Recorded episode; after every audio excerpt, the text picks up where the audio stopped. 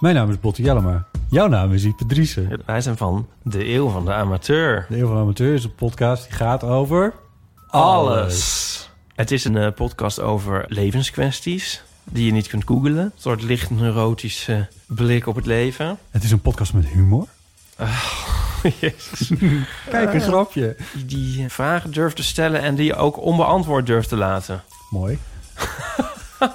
met een regenboogvlagje. Dat, dat noem je queerbot. Dat an- regenboogvlagje, dat klinkt echt als een soort...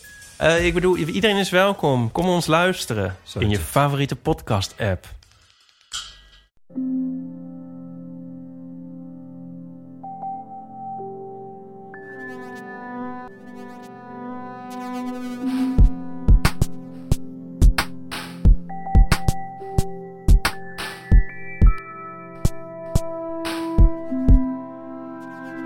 Dit is Relaas, waarin mensen een verhaal vertellen over iets dat ze zelf hebben meegemaakt.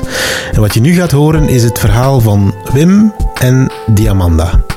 Wim, dat is een muziekprogrammator. Dat betekent dat hij nationale, maar ook internationale artiesten, muzikanten meestal, hij regelt die en hij brengt die naar Gent zodat ze hier kunnen optreden. En Diamanda, dat is Diamanda Gallas. Diamanda Gallas is een Amerikaanse gothic blueszangeres. Ze is ook performer, ze schrijft, ze heeft een heel aparte stijl. Op het podium eh, zit ze aan een piano, helemaal in gothic kleren en ze schreeuwt meer dan ze zingt. Eh, het is heel speciaal. Ik ga even een fragmentje laten horen zodat we weten wat voor iemand die Diamanda is.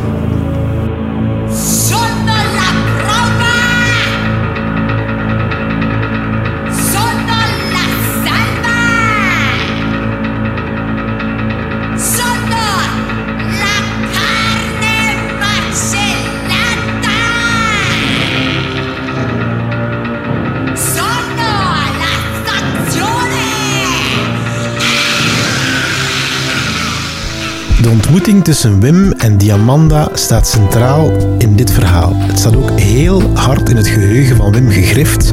En vandaar, hij wil jullie die bijzondere dagen die ze in Gent hebben meegemaakt niet onthouden. En daarom vertelde hij het relaas van de ontmoeting met Diamanda Gallas in mei van 2017 in de Handelsbeurs in Gent.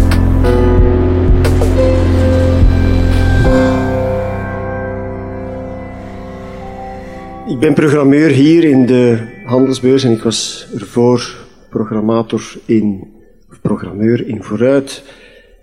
En toeval is niet altijd toeval, maar VV, die hier daarnet stond, is een van, La Fille der Nest is een van mijn eerste concerten geweest in Vooruit. Het is dertig jaar geleden dat wij elkaar opnieuw zagen en ik, we waren daar net erover aan het praten en ik kan mij nog altijd herinneren welk kleed ze aan had. Ik vond dat een fantastisch concert. Fantastische band. Zij was toen 18. Ze stond op een podium alsof ze erop geboren was. En de man die achter de knoppen staat, en die toen ook, denk ik, haar manager was, was Jean-Marie Aarts. En ik moest met Jean-Marie Aarts de financiële dingen regelen. Dus wij, na het concert trokken wij naar boven, bureau van de planning. En hij had een cassetje bij. En hij vroeg of we daar konden naar luisteren. Er stond daar zo'n ghetto blaster. Stak dat cassetje erin. Luisteren we. We hebben drie nummers beluisterd. Het was een beetje een raar zicht zo. Ik met Jean-Marie Aarts. Ik was... Wat was ik? 30. Jean-Marie Aarts, een van de grote idolen. T.C. Matic. Spreken over 1988. De van de zaal was nog niet geboren, pijs ik. Eh, maar Jacques, weet het wel. Jean- Jean-Marie Aerts was een van de idolen van de, van de Belgische rock. Eh, dus wij zitten zo drie nummers tegenover elkaar te headbangen over zo'n metalen bureau. En na die drie nummers, cassetje eruit. Je moet dat boeken. En ik, ja, ik, ik knik waarschijnlijk, maar ik moet eerlijk zeggen dat ik niet goed door had naar wat ik aan het luisteren was. Ik was helemaal in het begin van mijn periode in de vooruit.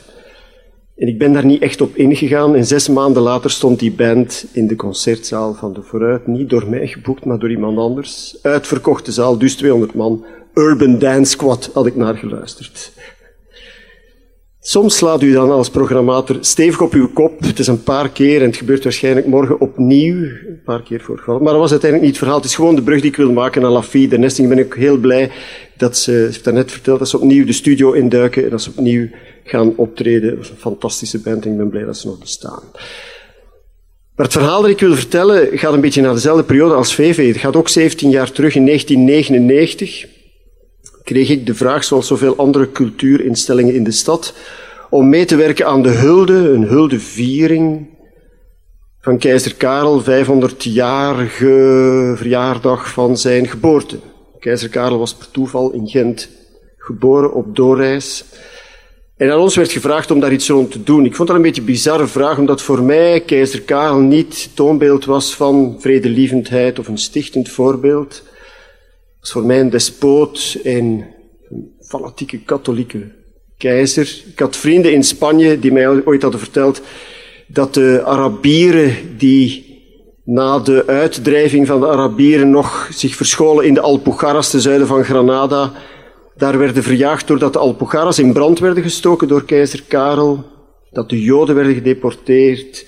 De mesquita, de blauwe mesquito van Cordoba, heeft hij overbouwd met een kathedraal. Het was niet iemand die het toonbeeld was, was van tolerantie. Dus ik vond, als we iets doen rond keizer Karel, dan moet dat iets, een kritische stem zijn.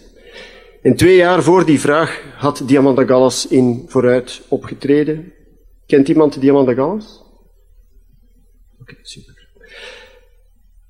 Is niet zo bekend, alhoewel dat het een cultfiguur is. Een cultfiguur van de, laat maar zeggen, de avant-garde rock in Amerika. Uh, heeft Grieks-Amerikaanse roots, heeft een klassieke opleiding zang, klassieke opleiding piano, heeft een onvoorstelbaar stembereik, moeiteloos vier orkanen, orkaan, nee, zeg? Vier octaven. Ze kan schreeuwen, grollen. Uh, als je haar muziekstijl moet omschrijven, kom je waarschijnlijk terecht op zoiets van gothic blues. Het had iets heel donker, iets heel duister. Uh, ze werd ook een, een nieuwe heks genoemd. Ze had iets demonisch. Een van haar platen, hoe ze had een foto waar ze aan een kruis hing met bloed overgoten. Het was ook getekend door een aantal dingen die in haar leven waren gebeurd. Haar broer was een van de eerste AIDS-slachtoffers. En heel het onbegrip rond die ziekte had daar enorm getekend. Op haar knokels van haar handen stond I am HIV positive. Wat een duidelijk uh, statement was. Het is een heel extravagante, heel exuberante vrouw, maar tegelijk ook iemand heel innemend en iemand heel slim, wijs, verstandig. Dus ik ging met mijn vraag om iets te doen rond keizer Karel naar Diamanda Gallas.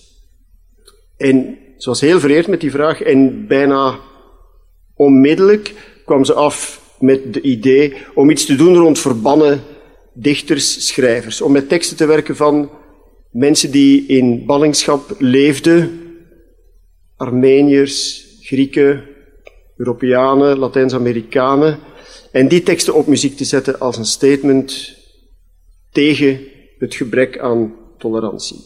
En ze vond ook dat we dat niet moesten doen in een gewone plek, niet in een theaterzaal, niet in een concertzaal, maar het moest op een specifieke locatie zijn. We hebben toen in Gent rondgetrokken en in feite kwamen we heel snel uit op het Gravensteen.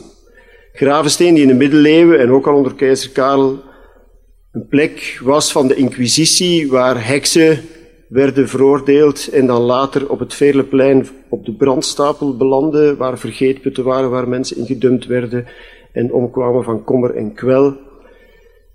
Dat was de plek waar zij die voorstelling zou maken. We spraken af dat ze een residentie kreeg van ongeveer een maand, waarin twee weken voorstelling zaten inbegrepen.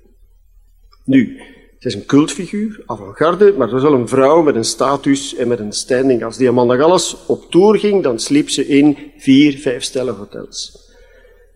Dus wij kregen die vraag over een maand exuberante eisen waar wij helaas niet konden op ingaan, want we hadden absoluut de middelen niet. Dus het vijfsterrenhotel werd een appartement in de Holstraat. Ze vroeg ook, ze had een ridderzaal toebedeeld gekregen. Dat is een exuberante vrouw, maar dat is ook een, een zeer innemende en iemand die zich heel makkelijk iemand voor haar gewin kon krijgen. Iemand rond de vinger winden, op een heel goede manier. Dus Geert van Doren was de conservator, toenmalig conservator van, van het Gravensteen. En het duurde één verhaal en ze had die uh, in haar ban. En zo was het ook, want we konden geen een, een, kleedkamer voorzien. In het Gravensteen was onmogelijk, daar was geen stromend water, daar waren geen spiegels, heel een bazaar. Dus we dachten, we gaan dat doen in de Venetiana. Dat was het ijssalon, het ijssalon van Gent, bestaat helaas niet meer. Met een heel lieve Italiaanse eigenaar, die bereid was om zijn badkamer aan Diamanda te geven als haar kleedkamer. En ook dat kon. Diamanda zei, oké, geen kleedkamer in het grafsteen. De andere eis was dat er een, een chauffeur zou zijn 24 op 24 7, op 7. En toen ik die vraag kreeg, heb ik geantwoord, we don't have a driver, I can give you a bike. Ik bedoelde dat als grap. Ik dacht, een fiets. Ze gaan wel snappen dat ik, ik wou gewoon tonen, ja, aan al die eisen kunnen wij niet voldoen. En ik kreeg een antwoord terug, bikes will do. Dus die Amanda heeft toen een maand door Gent gefietst met heel haar entourage. Ze kon fietsen, maar ze was niet gewoon om te fietsen in een stad. En ze had een onaardige afwijking. Dat was, ze, ze had schrik van auto's en in plaats van er van weg te rijden, reed ze er naartoe. Dus iedere in de tegenovergestelde richting auto die afkwam, had ze de onweerstaanbare drang om daar tegen te rijden. Dus er moest altijd iemand links van die Amanda rijden om haar op het juiste baanvak te houden. Het tweede probleem, ze zat in het Gravensteen, ze woonde in de Holstraat. Ze moest de Burgstraat door, vol met die tramsporen die nog altijd nu, vandaag, niet zo bijzonder... Het rijvak voor de fiets is niet zo bijzonder goed en toen was dat waarschijnlijk nog minder. Ze is twee keer in die tramsporen gesukkeld, waarschijnlijk ook in de drang om de andere kant van de baan te kiezen. En knal op haar knieën gevallen. Haar knieën zagen er niet meer uit. Ze waren gewoon bont en blauw. Maar ze was moedig. Ze is altijd blijven doorzetten. En heel dat entourage, haar techniekers, haar manager en die Amanda, reden gedwee iedere ochtend met de fiets naar het Gravensteen en s'avonds met de fiets terug naar hun appartement. Ze is toen beginnen werken in het Graafsteen, we hadden alles geklaard, financieel zaten we binnen de perken. Ze begon te werken in die ridderzaal. Maar ze wilde ook wel de plek van het gebeuren, bijvoorbeeld zo'n vergeetput, wilde ze wel eens voelen wat het moet geweest zijn om daar ooit in opgesloten te worden en daar te sterven. Geert van Doren was al helemaal in de charme van die Amanda. Vergeet het, geen probleem, we doen dat. Uh, moest s'nachts gebeuren, want mocht, er mocht geen licht binnenvallen. Er moest ook iemand bij zijn die al de elektriek in dat gebouw en de uh, monumentenverlichting kon uitschakelen. Geen probleem. Denk 10 uur, 11 uur s'avonds. Wij verzamelen rond die vergeetput. Wordt een ladder naar beneden gelaten. Zo'n vierkant gat van een meter bij een meter. Dat ziet er onogelijk diep uit. Mogelijk was dat maar 6 meter. Maar dat zag er onvoorstelbaar diep uit. Die Amanda was er nog niet en wij stonden daar rond en die manager, Ellen Dennis, zei tegen mij, oh, dat is weer een folietje van haar, van zijn leven, dat ze niet in trap naar beneden durft. Plus, ze is arachnofobe. Als ze een spin ziet, dan slaat ze in paniek en heeft ze een crisis en dan is het naar de vaantjes. Op het moment dat die woorden nog in mijn oor dringen, komt die Amanda binnen. Ze komt naar die vergeetput. Ze kijkt naar beneden, doet haar leren jekker uit, geeft die aan een van haar techniekers, springt op die ladder en gaat naar beneden. Ik krijg een stamp, ik moet daarmee naar beneden. Iemand moet haar begeleiden. Staan beneden, lights out, dat spel, pikdonker. Eerst niets. Ik sta doodsangsten uit. Ik dacht van, hier zitten misschien geesten en kleutergeld, maar dat zit hier volgens mij ook vol met spinnen. Kan niet anders. Zo'n vochtige kerker. Ze begint te, soort te, orakelen. Ze zoekt contact met die geesten. Ik zie gewoon een leger spinnen op mij afkomen die naar die Amanda gaan. Ik dacht eerlijk gezegd, we geraken hier nooit meer uit in de put. Als ze een spin voelt, dan krijgt ze een crisis en wie weet wat gebeurt er dan. Ik had ook niet de rest van het verhaal gehoord. Ik, ik weet niet hoe lang dat we daar gestaan hebben. Het leek voor mij eindeloos lang. En toen dat licht terug aanging, toen zij riep van lights, was dat voor mij een absolute verlossing. Er was geen spin in de buurt van die Amanda te bekennen. We zijn gewoon rustig terug naar boven gegaan. Voor haar een diepe ervaring rijker, voor mij ook, maar toch iets minder. Had fobieën, maar had ook obsessies. Gelijk iedere mens waarschijnlijk. Hè. Ik bedoel, was... Ik zou ook moeten zeggen, als je ze niet gezien hebt, zou ik in feite eens moeten zeggen hoe dat ze eruit zag. Want ze had zoiets demonisch, maar ze, ze straalde dat ook een beetje uit. Ze had heel scherpe gelaatstrekken. Ze had zo diepe oogkassen, scherpe neus, scherpe kin, lang zwart haar. Ze was ook altijd in het zwart gekleed, graadmager. Lange vingers, lange nagels, valse pijs, maar toch. In die periode dat ze in Graafsteen aan het werken was, die, maand september, viel haar verjaardag. En wij, ik samen met mijn collega Peter Aert, dachten van oké, taart, pralinen, in België. Zullen daar dat geven naar de Holstraat, voor haar en haar entourage. Doet open. Eh, zij is daar alleen met haar manager, die Amanda en, en Ellen, Peter en ik. Zet die taart op tafel. En Ellen neemt mij opzij en zegt dat is wel echt vrij zeer attentvol van u.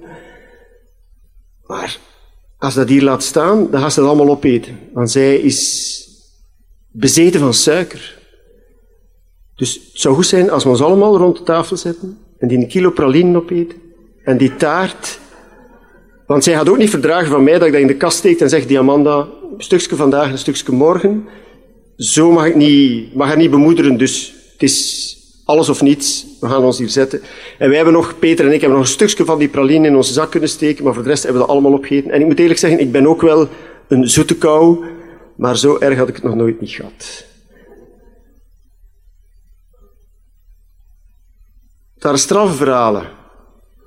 Maar voor haar verjaardag heeft Ellen Dennis, of Ellen Dennis had in ieder geval het plan opgevat om voor haar verjaardag een Arabische luid te kopen. Die Amanda was zot van Arabische muziek. En ik kreeg de opdracht om zo'n Arabische luid te gaan zoeken. En in Gent was toen net een uitgeweken Irakier, vluchteling, Osama Abdul Rassol, een dag van vandaag, is dat een gekend figuur in de Gentse en Belgische muziekscène. En ik bij Osama verkocht mij een luid en hij zei van, weet je wat, ik wil daar ook wel de introductie bij geven. Ik wil wel wat lessen geven hoe dat, dat instrument moet bespelen. Osama was ook, twintig jaar geleden, maar is dat in feite nog een dag van vandaag, was een hele schone gast. Een reizige Irakier, zwart lang haar, een baardje, donkere ogen, slank. Diamanda viel gelijk voor Osama, niet alleen voor de Arabische muziek, maar ook voor de muzikant hemzelf. En op het einde van die lessenreeks zei ze van, ik wil met die gast samenwerken. En dat was een zeer opmerkelijk ding, want Diamanda heeft in heel haar carrière nog maar met één iemand samengewerkt, en dat is John Paul Jones, de bassist van Lou Reed. En voor de rest heeft ze alleen nog maar solo-projecten gedaan. Dus het feit dat ze die wens om met, uitsprak om met Osama samen te werken, was een onvoorstelbaar iets. Voorstelling gaat in première in het Gravensteen.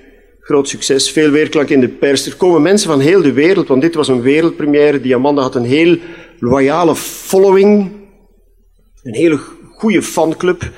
Um, mensen kwamen uit Japan, uit Israël, uit Latijns-Amerika, Amerika, alle landen van Europa. Verkocht ook die voorstelling uh, moeiteloos veertien keer uit. En we zeiden op het einde van oké, laten we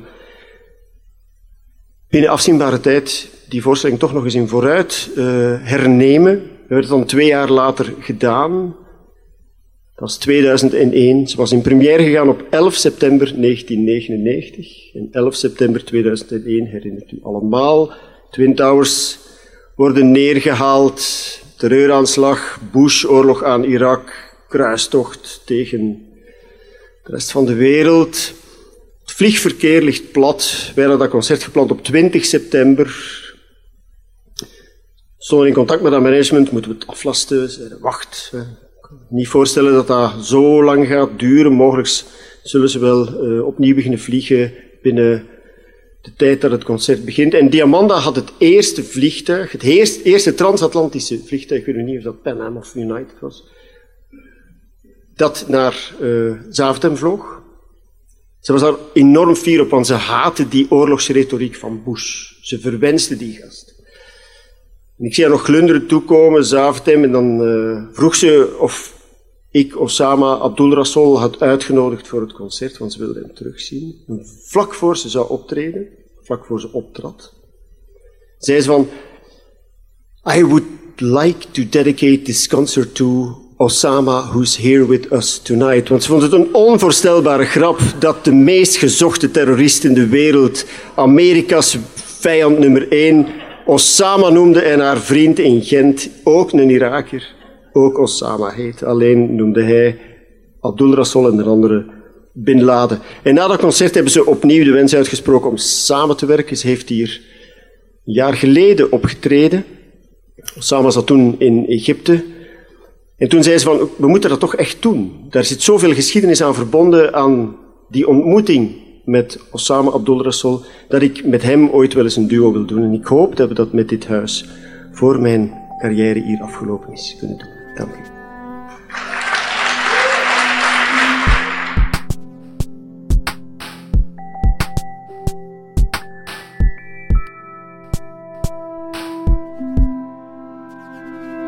Dat was het relaas van Wim. Hij vertelde het in Gent in zijn eigen concertzaal. Dat is de handelsbeurs. En voor hem hadden al Zaki en VV verteld. Dat zegt jullie misschien niks, maar beiden zijn heel flamboyante muziekfreaks. Het was dus een, muziekavond, een themaavond. Er was ook een heel intiem optreden van de Bonnie King of Nowhere. Eh, dat klonk zo. We, gaan, we hebben daar een fragmentje van. We gaan er eens eventjes naar luisteren. Het is met de prachtige mondharmonica van Steven de Bruin van de Rhythm Junks. Your words come out like fire, and I'm trying to make a stand. I'm trying to say sorry for the things that I've done. And you're trying to hide a tear in the corner of your eye. And all in a moment disappear.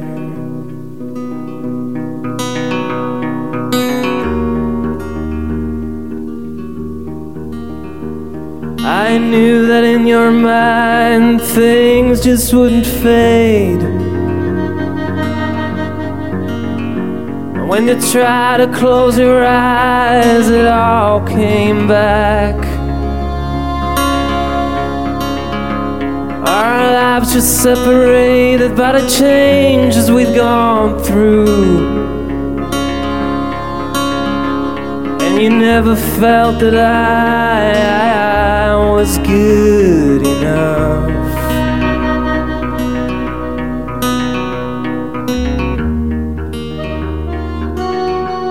We hebben niet altijd muziek op een relaasvertelavond, maar wel altijd verhalen. Daar kan je sowieso van op aan. Als je zo'n vertelavond live wil meemaken, surf dan gewoon eens naar onze website www.relaas.be en daar kan je tickets kopen. En als je zelf voldoende inspiratie hebt om een verhaal te vertellen, dan mag je dat altijd laten weten. Je krijgt van ons een coach toegewezen en die coach helpt je om van je idee een verhaal te maken dat je dan op een podium kan vertellen. Relaas is er dankzij Stad Gent, Urgent FM en REC. De Stad Gent die steunt ons omdat we tien keer per jaar een vertelavond organiseren in Gent. Ehm, als je er dus eentje wil bijwonen, www.relaas.be. Ook daar vind je een overzicht van wanneer er nog verteld wordt. En het is een heel team van relaasers die werken aan deze mooie verhalen. Ehm, Timon van de Voorde, Dieter van Huffel, Ruby Bernabeu Plaus, Anneleen Schelstraten, Sarah Latree, Stefan Gruijaert, Philip Cox, Marleen Michels, Charlotte Huigen, Evert Saver, Katlijn de Vries, Anne van den Nabelen, Evita Nocent, Sarah de Moor, Steve Konaar, Wouter Dupré, Egwin Contier en ikzelf ben Pieter Blomme. En doe ons een pleziertje. Denk dan even na aan wie kan ik dit verhaal sturen, wie zou dit verhaal tof vinden. Stuur het hem of op en dan krijgen wij een nieuwe luisteraar bij, een nieuwe podcastliefhebber. Dank je wel daarvoor.